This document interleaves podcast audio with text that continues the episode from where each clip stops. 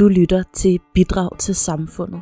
En særlig sending hele vejen fra grenen mellem Skagerak og Kattegat, hvorfra jeg, Anna Mørk, sidder i min hytte og forkynder, hvordan du, ærede lytter, kan bidrage lidt mere til samfundet. I denne udsendelse under påbuddet Bidrag til samfundet, følg en opskrift fra tusindtallet.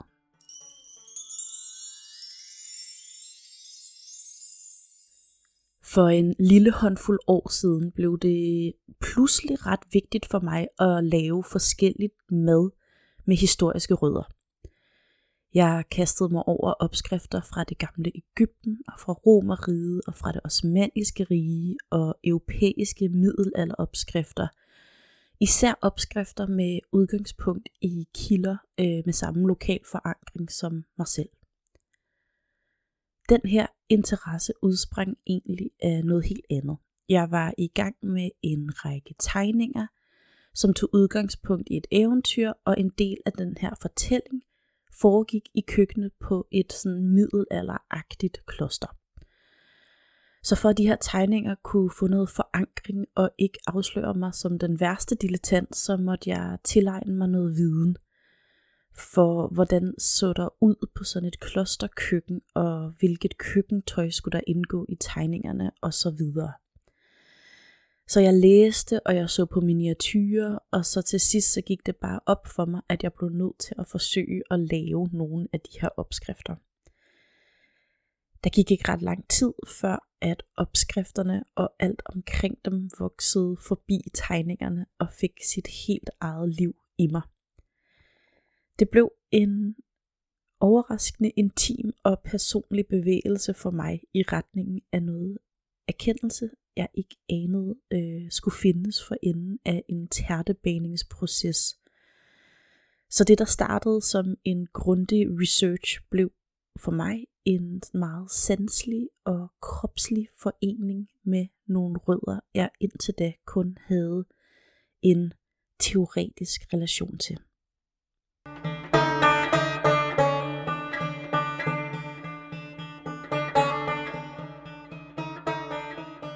Da jeg var lille, yndede jeg, som mange andre børn, tror jeg, at spørge min mor, hvad hun ville ønske, hvis hun fik sådan et.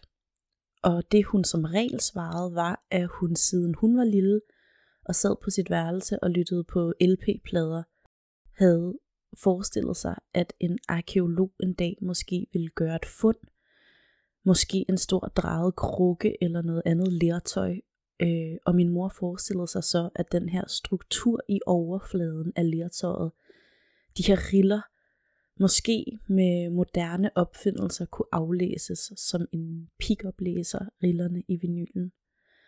Og så kunne man måske lytte til lige præcis de lyde, som havde omgivet pottemageren, mens hun arbejdede. Min mor ønskede sig til det her lille vindue ind i fortiden, men ikke et hvilken som helst vindue. Et, der talte til hendes sensor.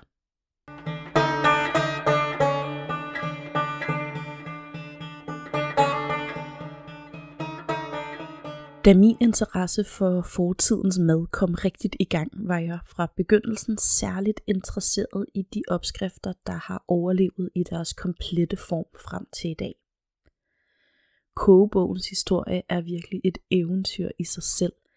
Et, der indeholder alt det drama, der tilkommer menneskets rejse på planeten Jorden. Tal om en prisme at se på sig selv og verden igennem. Jeg kan kun anbefale det kaninhul. Men det er klart, at det også er et udgangspunkt for blikket på mad, der i den grad udstiller, hvor situeret man, jeg, nu engang er i en moderne virkelighed.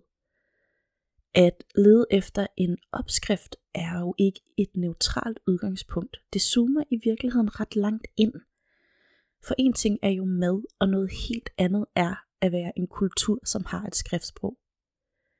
Hvis vi vil finde spor efter opskrifter og ikke lægge puslespillet helt selv, så må vi altså ret blikket væk fra en anden madhistorie den som eksisterer før skriftsproget, sideløbende skriftsproget og i kulturer med orale traditioner. Jo længere bagud vi rejser, jo snævrere bliver det udsnit af befolkningen, der har adgang til skriftsproget. Og derfor er de ældste opskrifter også et blik på den absolute magtelites mad. Og det må man holde sig en mente, så man ikke drager skæve konklusioner. Det sagt, så lad os tage et lille indskærpet blik på, hvad vi finder, når vi går baglæns i opskrifternes spor.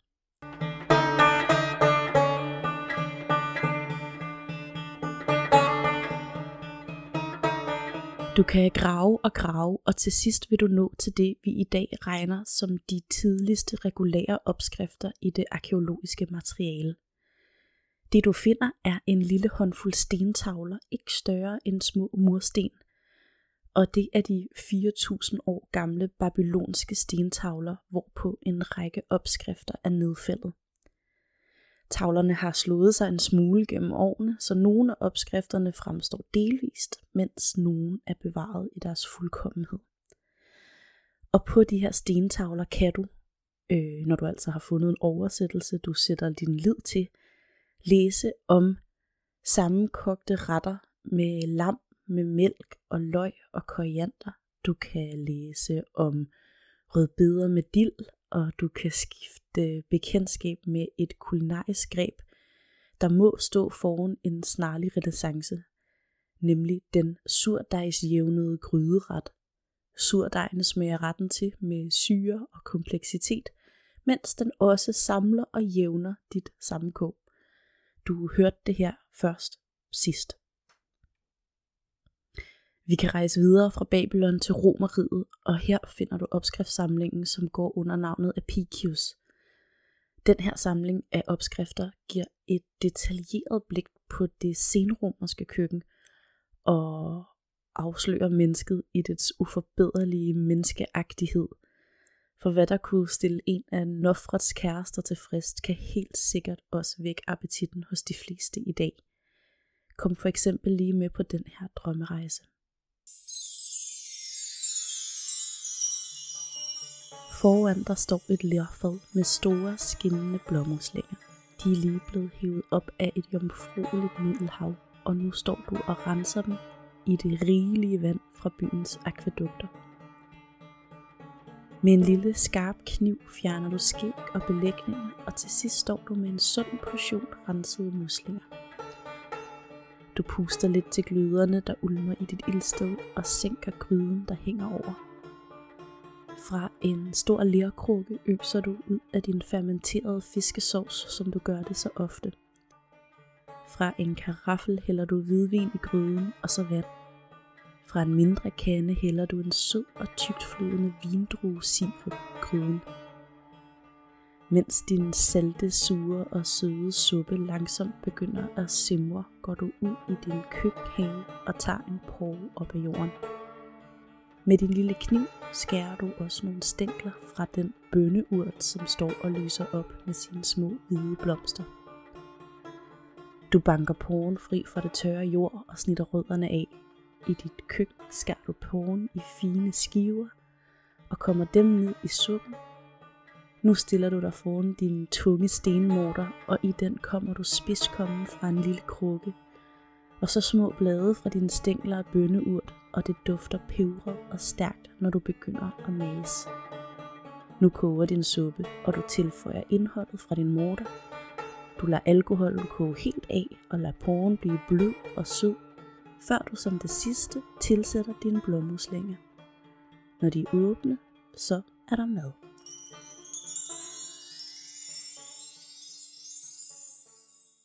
Og det folder sig ud. Fra det 10. århundrede finder vi Kitab el-Tabi, som er den ældste kendte arabiske kogebog. Retternes bog kan det omtrent oversættes til, og med god grund, for i den samling kan du finde mere end 600 opskrifter, som rækker tilbage i tid og dækker forskellige kulturer og regioners madlavning. Manasulasa er en sanskrit tekst fra det 12. århundrede, der blandt meget andet for eksempel indeholder den her gode idé. Kog stykker af fisk i vand og tamarindpasta. Vend fisken så i hvedemel. Steg den så hårdt, til den bliver sprød og gylden. Drys med groft salt, friskkværnet kardemomme og peber og server.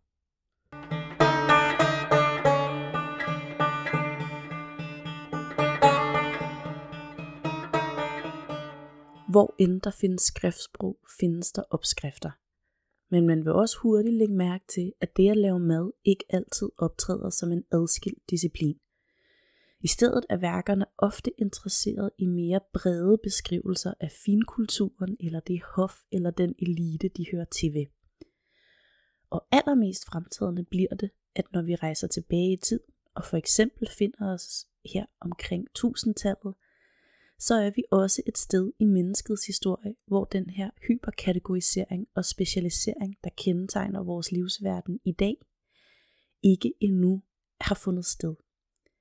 Man kan ikke sige, at medlavningen og lægekunsten overlapper. Man kan sige, at de endnu ikke er skilt fra hinanden. Nu var det jo et klosterkøkken, jeg til at begynde med ville blive klogere på. Og selvom den undersøgelse satte ret så mange ringe i vandet omkring sig, så forblev jeg optaget af netop den europæiske middelalders nonneklostre.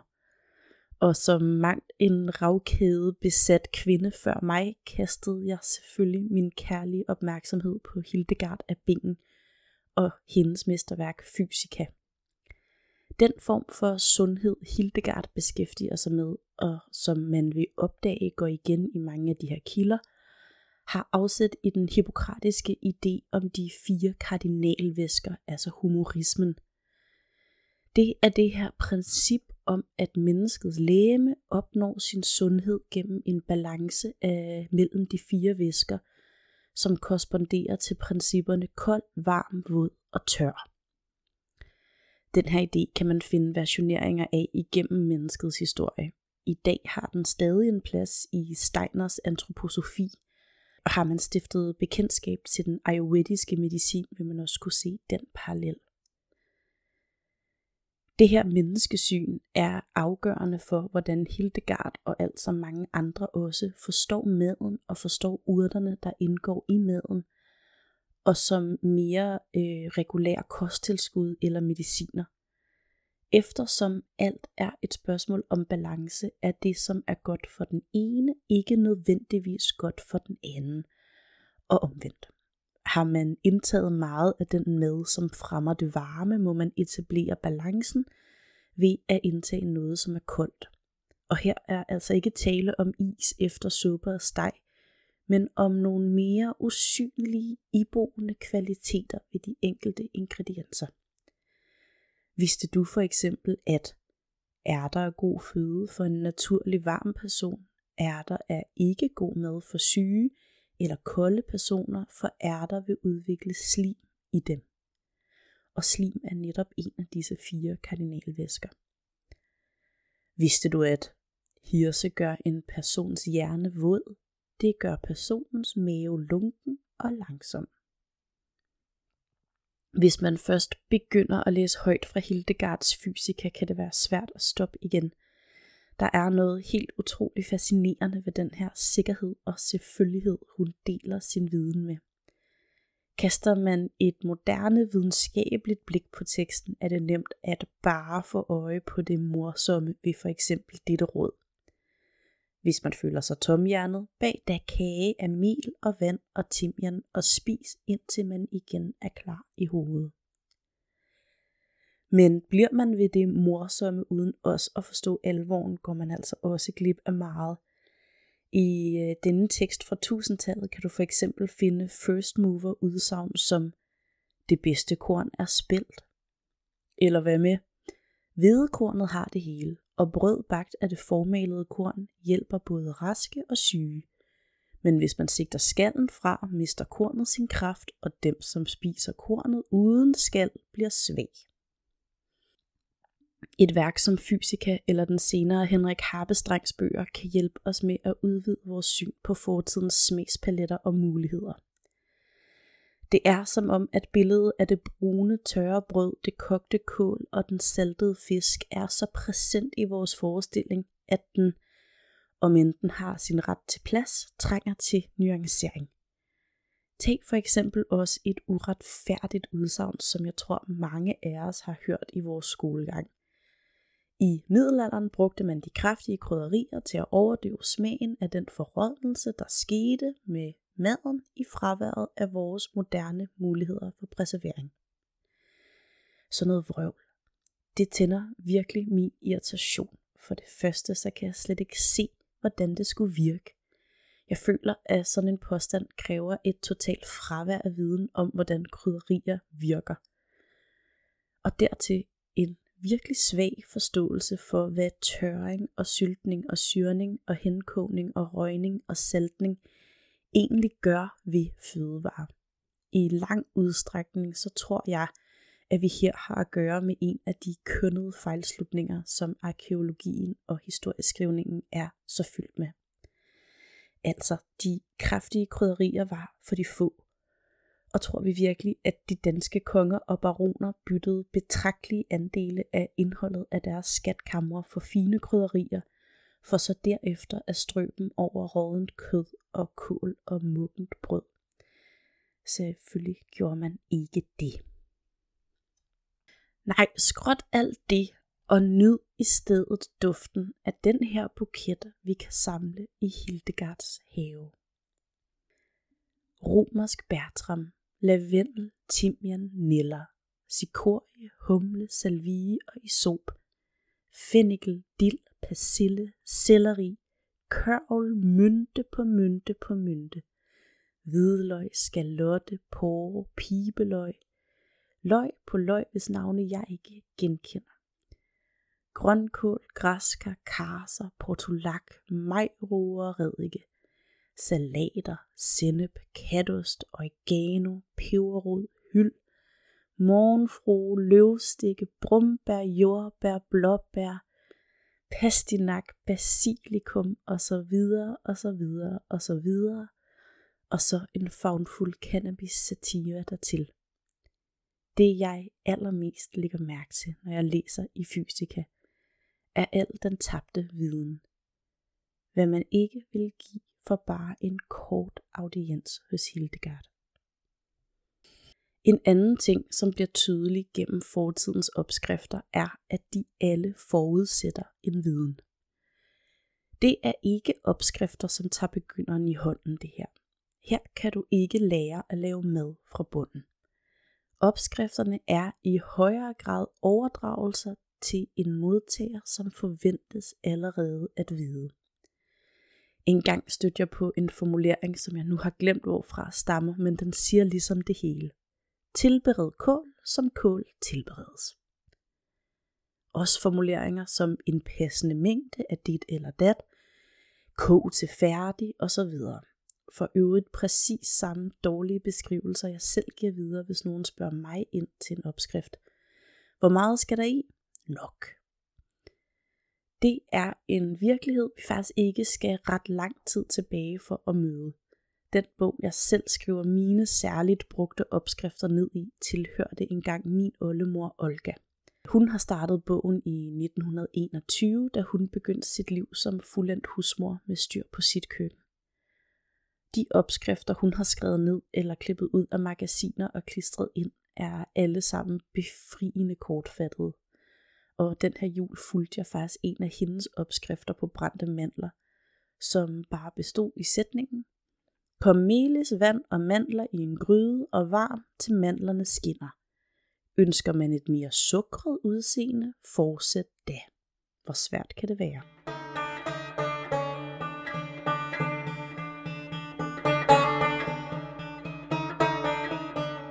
Lige præcis her tror jeg, der bor noget væsentligt i alle de små huller, vi så selv må fylde ud. Her må vi eksperimentere, afprøve og starte forfra igen. Her bor den tabte viden, og her kan vi selv helt uvidenskabeligt, for det er endnu vores ret, digte med. Vi kan sætte os i den anden sted, vi kan rejse i tiden. Her er det vores forestillinger, vores fantasi, som må træde forrest. Og vores værktøjer i den proces er vores sanser, vores hænder, vores kroppe. Pludselig er fortiden ikke længere et akademisk område, som du ikke ved nok om, men i stedet noget, der springer frem mellem dine fingre. Og i små kæderækker af mikroskopiske bevægelser, hvor igennem din moderne menneskekrops anatomi er samskabt, er det som om, at der er noget, dine muskler kan huske, som din vågne bevidsthed har glemt. Måske er det noget, du forestiller dig, men hvem siger, at den menneskelige forestillingsevne ikke skulle være den kilde, hvorfra erkendelsen også kan springe? Det kan give os ro at finde vores jordforbindelse. Det har jeg både læst og erfaret. Og at stå med fødderne solidt plantet og mærke jorden under dem er en væsentlig del af min egen praksis. I den historiske medlavning oplever jeg en kropslig fornemmelse, der rimer på den ro, der bor i at sense jorden under mig. Men det er en anden form for forbindelse, der etableres her. I nogle grounding øvelser bliver vi bedt om at forestille os rødder, der løber fra vores krop og ned gennem jorden ind til klodens kerne. Når jeg følger en opskrift fra tusindtallet, mærker jeg en anden slags rødder, som ikke løber ned mod jordens midte, men i stedet tilbage i tiden. I en ubrudt linje fra hånd til mund, fra krop til krop til krop.